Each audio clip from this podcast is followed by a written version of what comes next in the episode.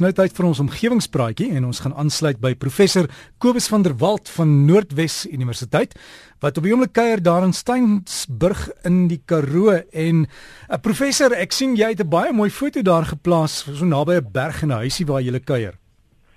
Derek ja man goeiemôre. Môre ons omgewingsvriende. Ek het gou 'n bietjie my batterye kom laai hier op my skoonpa se plaas hier op Steensburg en uh vanoggend pragtig hier so lekker laag wolke wat hier hang uh dit is lae wolke wat so oor die berge hang en ek hoop en bid tog vir reën want soos so baie ander plekke in ons land het Steensburg ook maar reën baie dringend nodig. Maar nou ja, ek ek wil graag vanoggend oor 'n heel ander deel van die wêreld gesels en dit is na aanleiding van 'n brief van meneer Leon Cracks wat nou nie gesê het waarvan af hy is nie, maar hy sê hy wil 'n bietjie goeie omgewingsnuus met ons almal deel. Sy dogter, sy skoonseun en hulle dogtertjie woon op 'n eiland wat bekend staan as Pumpkin Island of dan Pampoen Eiland en dit is geleë aan die ooskus van Australië 14 km van die dorpie uh, Jepoon af. En Jepoon is 'n kusdorpie wat op sy beurt so 50 km noord van Rockhampton is en Rockhampton staan bekend as Australië se beeshoofstad. Nou Pampoen Eiland lê aan die suidelike punt van die bekende Great Barrier Reef en hy sê die klimaat is subtropies en met hoë temperature en hoë humiditeit. Nou Pompoen Eiland het 'n ontwikkelde deel van so 5 hektaar groot wat bereikbaar is met laagwater. En die eiland is 40 jaar gelede nog as 'n oesterbasis gebruik, maar die oesterbedryf het nou lankal doodgeloop. Daar is egter nog steeds geweldig baie oesters op die rotse en die rivier rondom die eiland en dan ook pragtige korale met heerlike warm en onbesoedelde seewater. En hy sê sy dogter en sy skoonseun is nou beide skippers en ook gevorderde duikinstrukteurs en hulle hou nou die korale baie fyn dop om te sien hoe gesond dit is en hulle kyk ook na die seelewe en die visbronne in daardie deel van die wêreld.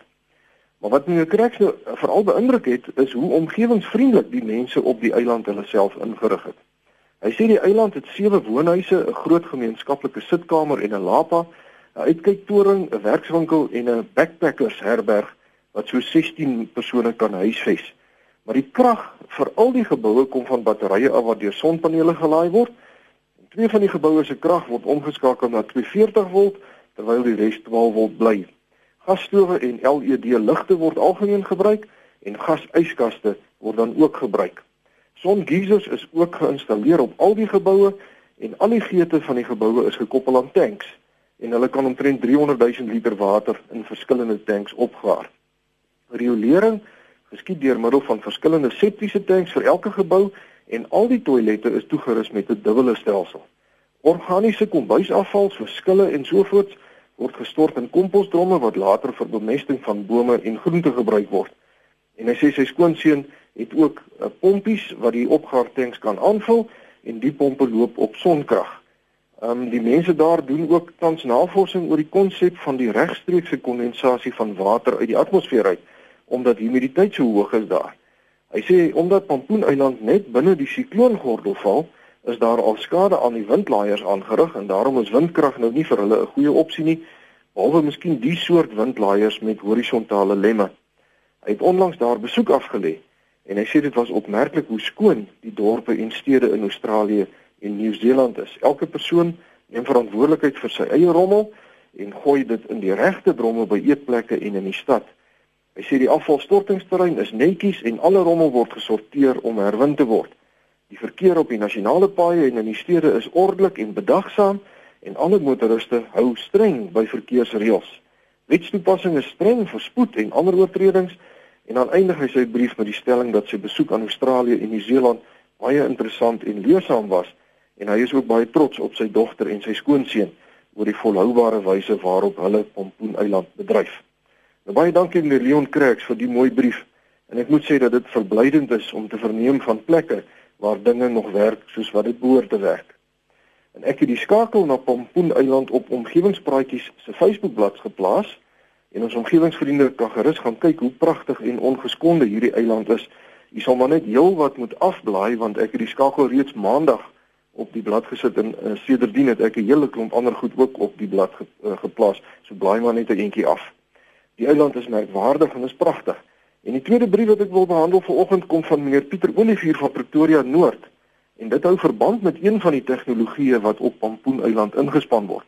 Meneer Olivier sê hy sien deesdae gereeld berigte en advertensies van apparate waarmee mense nou beduidende hoeveelhede vog direk uit die atmosfeer kan onttrek sodat dit drinkbare water vorm.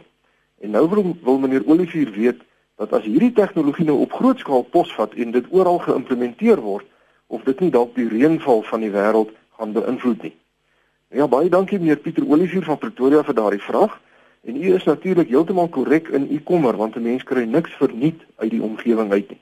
Ander omgewingsvriende het al vir my geskryf en gevra dat as ons die hele aarde nou vol windlaaiers maak, dit nie nader aan die globale windsirkulasie sal beïnvloed nie. En nog ander mense is bekommerd oor die uh, invloed op die omgewing as ons nou groot areas onder sonpanele plaas. Nou die geluk van al hierdie tegnologieë is dat dit in vergelyking met die wêreld op bitter klein skaal gebeur.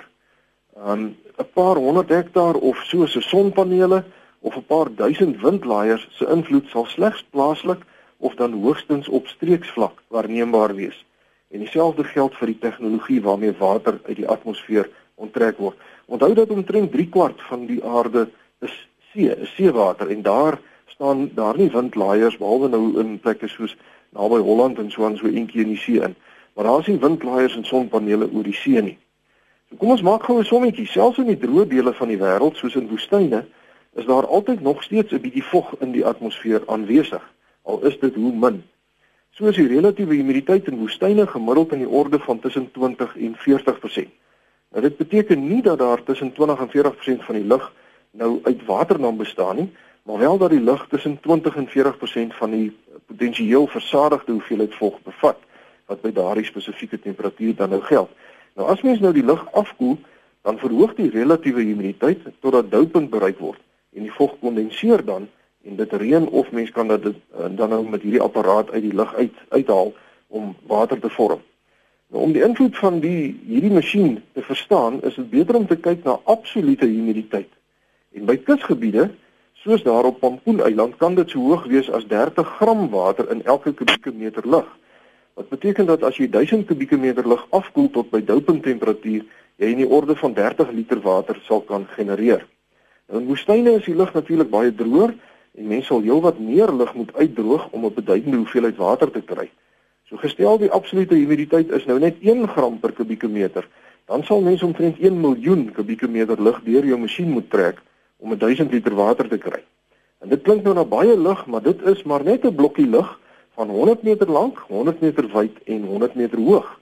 So in vergelyking met die totale atmosfeer is dit werklik weglaatbaar klein. En verder is die atmosfeer natuurlik voortdurend in beweging. Daar waai maar heeltyd winde en so aan. So mense sal nie droë kolle in die atmosfeer veroorsaak met sulke masjiene nie. En ons moet verder ook onthou dat hierdie tegnologiese aanwending uh, toegespits is op kleinskaal huishoudelike watervoorsiening en nie vir reuse industriële aanlegte nie. So selfs etlike duisende sulke torings behoort nie 'n wesenlike uitwerking op die reënval van 'n land te hê nie. En daarmee sluit ek af vir oggend. Ons omgewingsvriende kan gerus vir my skryf. My e-posadres is kobus.vanderwalt@nwu.ac.za of jy kan maar net kyk uh, na die Facebookblad van Omgewingspraatjies. Al die besonderhede is daarop. Vriendelike groete. Tot 'n volgende keer. Dankie professor Kobus van der Walt, lekker kuier daar in die Karoo. En onthou die Facebook bladsy is Omgewingspraatjies, meervoud Omgewingspraatjies. En jy kan al die inligting daar kry.